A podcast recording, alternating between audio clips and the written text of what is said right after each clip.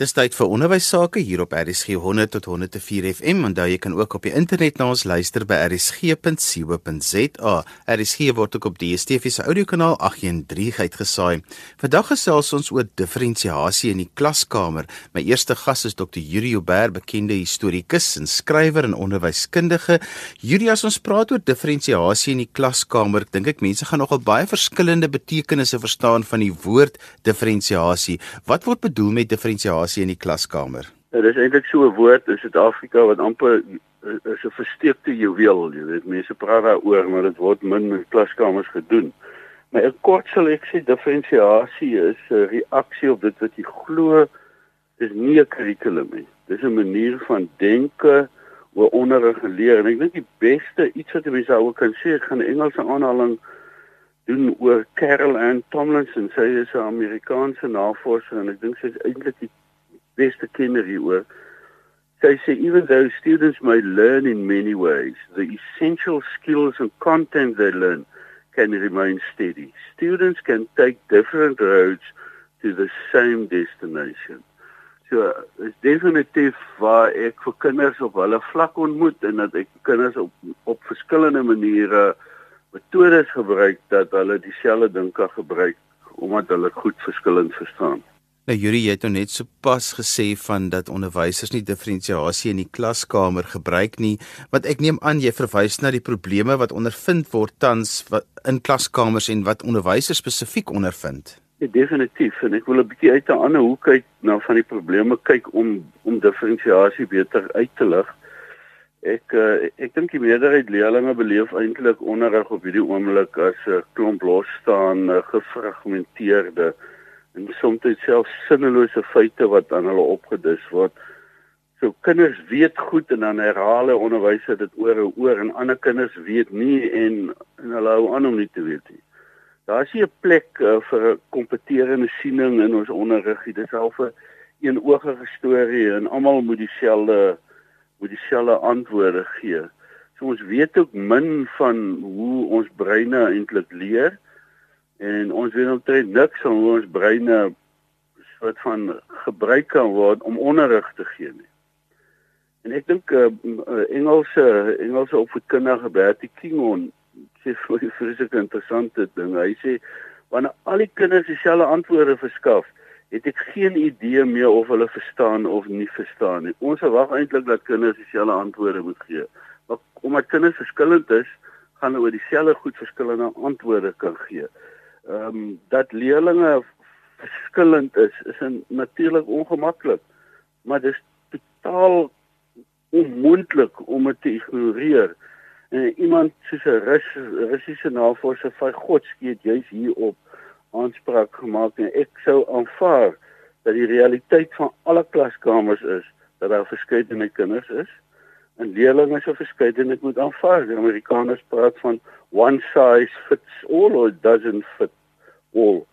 So ons moet net aanvaar dat leerlinge is soos leerkryke of blikke wat deur die onderwysers wat dan nou die eksperte is gevul kan word met kennis nie. So dit wat ek nou genoem het is wat problematies is van 'n gewone klaskamer waar onderwysers voor staan en hy dra die inligting doodgewoonig oor aan die kinders. Yuri, maar ek is een van daai mense wat vir altyd ek met praatjies lewer dan predik ek baie vir die onderwysers om te sê dat elke kind ontwikkel teen sy eie pas, elke kind is verskillend en dat hierdie verskillend kinders ook verskillend leer. Watter oplossings het ons dan vir die klaskamer spesifiek as ons dit aanneem dat dit so is? Die beste onderwyser uh, is die een wat jou wys waar om te kyk, nie die een wat jou vertel waar die antwoorde is nie. So ek dink dis 'n kritiese iets dat dat baie onderwysers gaan van die punt af uit dat hy alles kinders moet vertel wat daar is. Hy moet die kinders laat ondersoek en die oomblik as jy dit doen, dan sien jy dat kinders op verskillende vlakke en hulle verstaan verskillend. So is baie ongemaklik, maar ons moet aanvaar dat ons op die vlak waar kinders is, hulle moet ontmoet en daaroor sal 'n mens sekere assessering moet plaasvind, iets soos formatiewe assessering om presies uit te vind uh Howard Gardner, die die man wat die sewe multiply intelligence ontwikkel het, uh, sê baie bekende stuk. Hy sê die grootste fout wat ons in die verlede gemaak het is dat ons aanvaar dat alle kinders amper dieselfde uit dieselfde kloon uitkom en daar moet ons alles op dieselfde manier aanbied en op dieselfde spoed wat daar aangebied word. En ek dink dis tog een van die goed wat Spidey wat wat uitgewys word as die vader van die sogenaamde OBE almal gesê het. Alle kinders kan leer, maar nie op dieselfde manier nie, nie op dieselfde spoed nie.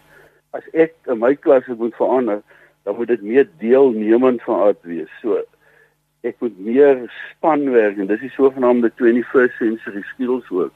So ek moet kinders leer om saam te werk. Ek moet vir kinders help om meer deelnemend te wees. Want ek meen dan jy by kreatiwiteit en kritiese denke kan kan uitkom wat is baie gou sê ons doen dit. Maar dit is uiters moeilik om dit te doen as jy alles op dieselfde vlak moet doen. En ek dink ook kinders moet doodgewoonig aangemoedig word om baie meer te waag. Uh, kinders is bang om foute te maak want hulle kan miskien verkeerd nagesien word en ek kyk verwys weer na wat Kingo gesê het. Hoe kan 'n mens in 'n klas werk met 30, 40 kinders en hulle gee vir alles dieselfde antwoorde? So kinders moet maar leer dat foute is deel van hulle leerproses. En dit is nie die einde van die wêreld as jy 'n fout maak nie. En ek oplossing vir dit is om jou klas in 'n groot mate uh, te diferensieer. Hierdie het nou al verwys na Vygotsky, jy het verwys na Spidey en 'n hele paar ander navorsers, maar wat sê navorsing hieroor? Wel ek weet dis 'n verskeidenheid. Ek ek nou my een die eerste deel wat ek oor gepraat het is dat kinders is verskillend. Daar's verskillende kinders. Ek, dink 'n deel van ook wat mense soos Bruner gesê het, Jerome Bruner, is dat kinders kan hulle eie kennis skep. Enige mens kan sy eie kennis skep. Kennis is iets wat in 'n biblioteek lê. Natuurlik, die inligting in die biblioteek help jou om by die kennis uit te kom. Maar kinders is deel daarvan want om sy eie begrip te ontwikkel, moet hy op sy eie vlak dit verstaan. So ek dink dit is belangrik wat navorsers sê diferensiasie is nie 'n kurrikulum nie. So CAPS is wonderlik geskik vir diferensiasie. Jy sal net sekere aanpassings moet maak daaraan. En en dit is 'n manier van denke of onderrig so ek aanvaar ek het 'n sterk multigraad uh, onderrig agtergrond so ek kan verstaan kinders is verskillend en ek dit wat ek moet beplan moet op verskillende vlakke gedoen word nou Carol and Tomlinson is een van die goeie skrywers oor die onderwerp en ek het na een van haar aanhalinge verwys dat sy sê students can take different roads to the same destination Lev Vygotsky die Russiese sielkundige het bewys dat leerders leer die beste indien hulle gereedheidsvlakke in ag geneem word. So as ek te moeilik inkom by kinders gaan hulle doodjevoudig afskakel en nie luister nie en as dit te maklik is en hulle weet alles dan gaan hulle ook nie luister nie. So ons sit met 'n klomp verveelde kinders in die klas dan. Volgens Tomlinson verskaf dit 'n soort van 'n teoretiese fondasie vir onderrig dat jy op verskillende vlakke met verskillende kinders kan werk. Die Brit Hattie beweer dat die gereedheidsvlak van 'n leerling moet pas by dit wat hy moet leer en hoe die leerling wys wat hy geleer het. So die filosofiese idee dat belangstelling in spesifieke onderwerpe veroorsaak dat jy gemotiveerd is, is 'n kernelement in uh, gedifferensieerde onderrig. Jerome Boener beweer verder dat in die leerling se belangstelling aangespreek word, sal leer baie belonend wees en kan grootliks help dat leerders selfgerigte leerders word en ek dink dis een van die hoof uh, punte in in uh, gedifferensieerde onderrig dat die kinders wil ontwikkel en selfgerigte leerders dat hulle vir hulle selfverantwoordelikheid kan aanvaar en dit juis uit hierdie agtergrond uit wat ja Howard Gardner hierdie multiple intelligence ontwikkel het. En hierdie teorie pas dit toe dat almal wat vers, verskillende intelligensies op verskillende vlakke van die wêreld dat ook op verskillende wyse leer. Hierdie waar word hierdie metode tans wel gebruik diferensiasie en um, hoe kan diferensiasie dan help om onderrig meer effektief te maak? Wel ek dink in in in in in die breë word dit op groot skaal gebruik reg of verkeerd in die grondslagfase. Dis 'n tipiese as jy baie mense as mense oor praat sê o, dis wat in die grondslagfase gebeur. So so dis een en dan in omtrent 30% van ons eie laerskole wat bekend staan as multigraad skole is dit die oplossing vir kinders omdat daar verskillende grade in dieselfde klas uh, teenwoordig sal wees. En ek dink die oomblik as daar 'n verskeidenheid van leerders in 'n klas is waar vaardighede, veral kognitiewe vaardighede, 'n soort van aangespreek moet word, moet jy dit op 'n verskeidenheid maniere of verskillende vlakke moet jy dit aanbied. En daar moet onderwysers eintlik ten alle tye voorbereid wees om inligting op verskillende vlakke of selfs vaardighede op verskillende vlakke aan te bied. Dit is belangrik dat onderwysers 'n verskeidenheid van onderrigstrategieë moet gebruik om ons kurrikulum effektief te, te hanteer. As ek kan teruggaan na die 50e jare, het Bloem en sy span 'n uh, hiërargie van opvoedkundige doelstellings geformuleer om ook hierdie kognitiewe doelstellings verder in onderafdelings te verdeel en daarna daar 'n verskeidenheid van aanpassings gekom en Bloem se taksonomie is seker een van die beste voorbeelde wat 'n mens sou kon gebruik om dieselfde inligting op verskillende vlakke met kinders te werk want kinders verstaan dit op verskillende vlakke en as jy dit korrek gebruik sou jy dit in enige klas sou kan gebruik. Julle net om af te sluit, waarom gebeur dit nie eintlik in klaskamers op die oomblik reg deur die land nie as dit dan so 'n effektiewe metode is juis om vir alle leerders voorsiening te maak? Ja, ek dink dit is 'n dit is 'n goeie vraag daai. Ek dink een van dit is is dat dat baie opvoedkundiges dit dood eenvoudig aanvaar dat daar net een manier van onderrig is. 'n Onderwyser wat voor in die klas staan, 'n soort van 'n frontale onderrig en dis effektief. Ek dink daar's bitter min navorsing as daar is wat bewys dat as 'n onderwyser voor in 'n klas staan en kinders luister vir jou, dat dit effektiewe onderrig is. So in die eerste plek is dit 'n soort van 'n um, 'n denke of 'n geloof wat onderwysers het wat hulle glo. Um, ek dink selfs as jy mens gaan kyk waar onderwysers opgelei word, is dit 'n probleem en dit word dadelik gehak in die hele kwessie van is die onderrig kindgesentreerd. Dit is gewoonlik 'n 'n groot boei in enige debat as as jy hoek na gekyk word en sê maar hierdie is die kindgesentreerde onderrig. En en gedifferensieerde onderrig is absoluut daarop geskoei dat dit elke kind op sy eie vlak en daarom is groepwerk so belangrik want sekere dinge kan plaasvind in 'n groep terwyl die onderwyser met ander kinders oor hulle probleme of hulle vaardighede kan werk en ek dink wat iets wat ek nog hier wil sê dat assessering is nie 'n bepunting nie. Dis hoekom ons uitslaa onder andere in Suid-Afrika so sleg lyk. Assessering is doeteenvoudig 'n padkaart. En die padkaart moet vir my help om alle kinders op verskillende roetes te kry om by dieselfde einddoel uit te kom. En so gesels Dr. Yuri Uber, bekende onderwyskundige, historikus en skrywer. Volgende gesels ek met onderwyskundige Greg Maree en ons gesels vandag oor diferensiasie in die klaskamer. Greg, verduidelik eers vir my hoe onderwysers klasse van 30 of 40 leerders effektief kan hanteer want dis daarom 'n klomp kinders in een klas. Dit is so Johan, want as jy met 'n klas van 30 of 40 werk, moet jy in beginsel aanvaar En ons kyk altyd na die wet op gemiddeldes dat so 'n klas sal bestaan uit 'n groep leerders met diverse vaardighede, diverse intelligensies, diverse belangstellings en so meer. So dit is nogal uitdagend vir onderwysers om om in 'n klas met gemengde vaardighede onderrig te gee.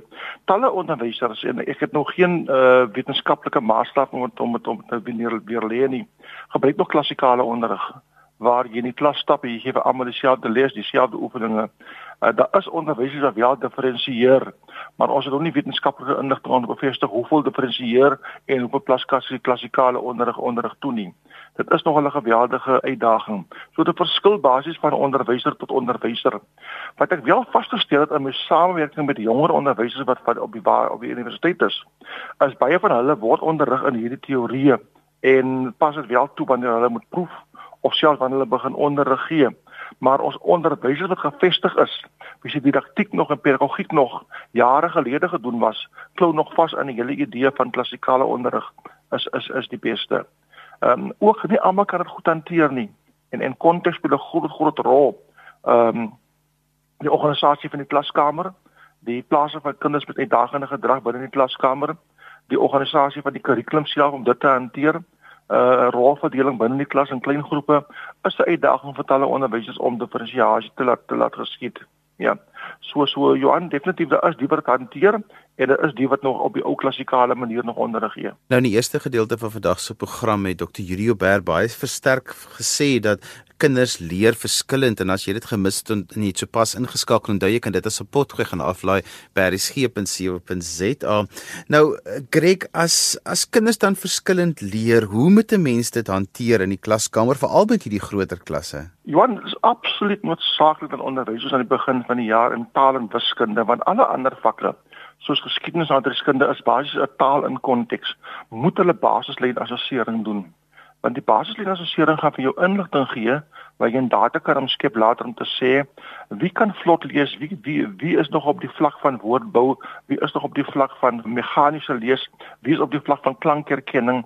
Ehm um, wie is nog uh, wie ken die tafels nie en so meer? Wie sukkel met sekere wiskundige begrippe. So daardie twee vakke moet jy basislyn assessering doen.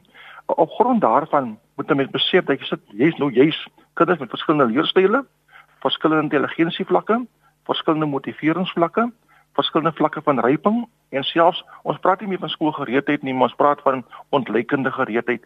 So verskillende kinders sal op verskillende ontleikende gereedheidsvlakke verkeer en dan elke kind het ook 'n verskillende vaardigheidsvlak. Dit is die essensie van waarom jy moet diferensieer. So is belangrik dat onderwysers 'n 'n leeromgewing skep waar kinders van mekaar leer en by mekaar leer. Dan by elke konsep wat jy gaan doen, moet 'n mens sien vir die kinders weet dit nie. Dit is belangrik dat jy 'n pre-toets doen om vas te stel wie ken en wie ken nie en op grond daarvan dan te sê ek gaan die kinders as sulks binne hulle gedifferensieerde groepe plaas uh om om dan die nodige dan te doen Hoekom moet 'n kind wat 'n hoë intelligensie vlak het binne 'n groep werk byvoorbeeld? Want baie onderwysers dink diferensiasie is net vir die stadige kind. Diferensiasie beteken juis ons gee aandag nommer 1 aan die middelgroep, jou normale groep. Maar links van daardie groep is daar groep kinders wat leerbehoeftes het wat mondelik inperkings het vir wie ek moet definitief spesiale aandag gee maar res van daardie groep die gemiddelde groep is daar intelligente kinders vir wie ek verryking moet gee Hulle moet uitdagings kry binne in die klas. So ek maak basies voorsiening in gedifferensieerde onderrig vir drie soorte kinders. Ek is verstot op 'n uh, eh, leierskapteorie en een van my gunsteling uh, auteurs in die verband is Dr. Ken Blanchard. Hy sê jy werk met vier soorte mense. Jy werk met daardie mense wat op delegasie vlak is. Jy kan hom 'n opdrag gee en hy doen dit sonder enige hulp. Maar dan kry jy daardie mens wat gebrek aan motivering het, maar hy kan die werk doen. So daardie persoon het ondersteuning nodig dan kry jy 'n persoon, 'n stadige persoon wie ehm um, ek wil amper sê aanhoudende foute maak. Daardie persoon het meer intensiewe ondersteuning nodig en dan kry jy jou baie swakkend wat geen rigting het in die vak nie, wat definitief moet uh, van voor af begin. En daardie wat dan kan ons terug in ons geskiedenis gaan van oude onderwys en opvoeding en kyk na wat sê ons vorige navorsers in hierdie verband.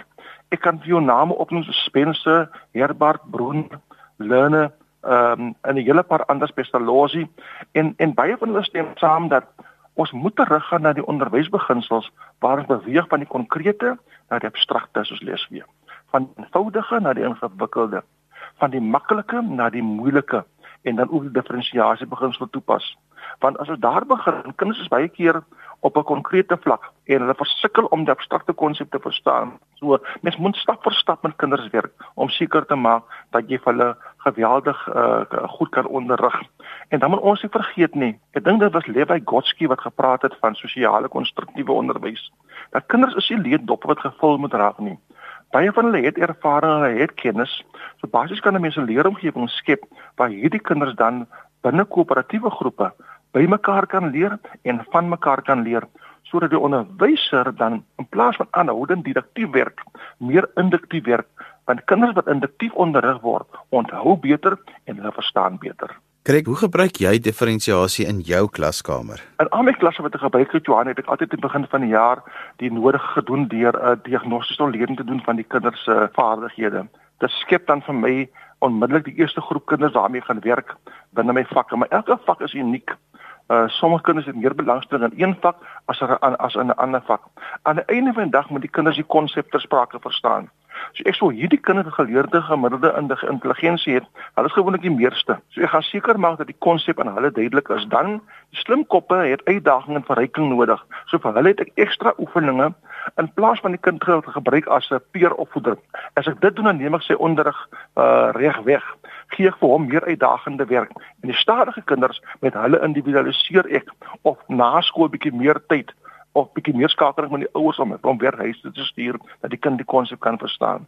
So mens moet probeer aan die einde van die dag Johan gaan onderrig oor verstaan die kind die konsep wat ek dan onderrig het. So dit is belangrik dat ons die onderwysbeginsels toepas. Die kinders in kleiner groepe verdeel. Ons fokus op kwaliteit, nie hoeveelheid nie. Ons kan scaffolding gebruik en beteken onderskat ons daardie waarde want scaffolding beteken jy lê die konsep vas voor jy met die volgende een begin.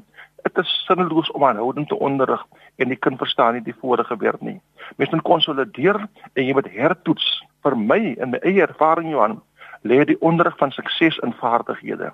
As die kind die vaardighede het om dinge te doen, is die stryd gewonne. Ek dink jy dat diferensiasie kan help om ons probleme in ons klaskamers op te los en dan in dieselfde asem as dit dan so is, hoekom gebeur dit nie op die oomblik in die klasse soveel as wat ons graag wil hê dit moet gebeur nie? Ja, want dit is baie gesê is heeltemal waar, maar daar is onderwysers wat dit wel toepas. Ons soos ek sê, ons het geen wetenskaplike feite om te sê hoeveel doen dit en hoeveel doen dit nie. Daar is wel gevalle waar onderwysers moeite doen om dit te doen. Ek dink een om 'n eentalle onderwysers het 'n gebrek aan vaardigheid om dit te doen. Mens moet dit reg sê soos dit is. Tweedens daar's ook die wat nie moeite maak om dit te doen nie, want dit is baie moeite om 'n les voor te berei vir 3, 4 verskillende groepvaardighede van kinders in die klas. Dit kos moeite, dit kos navorsing doen, dit kos jou voorberei en dit vat vir jou tyd en geduld om daardie kinders te onderrig. Jy moet weet, daardie groep weer daarmee die ander groep weer daarmee so moet definitief dit vat baie fisies uit 'n mens uit om dit te kan doen.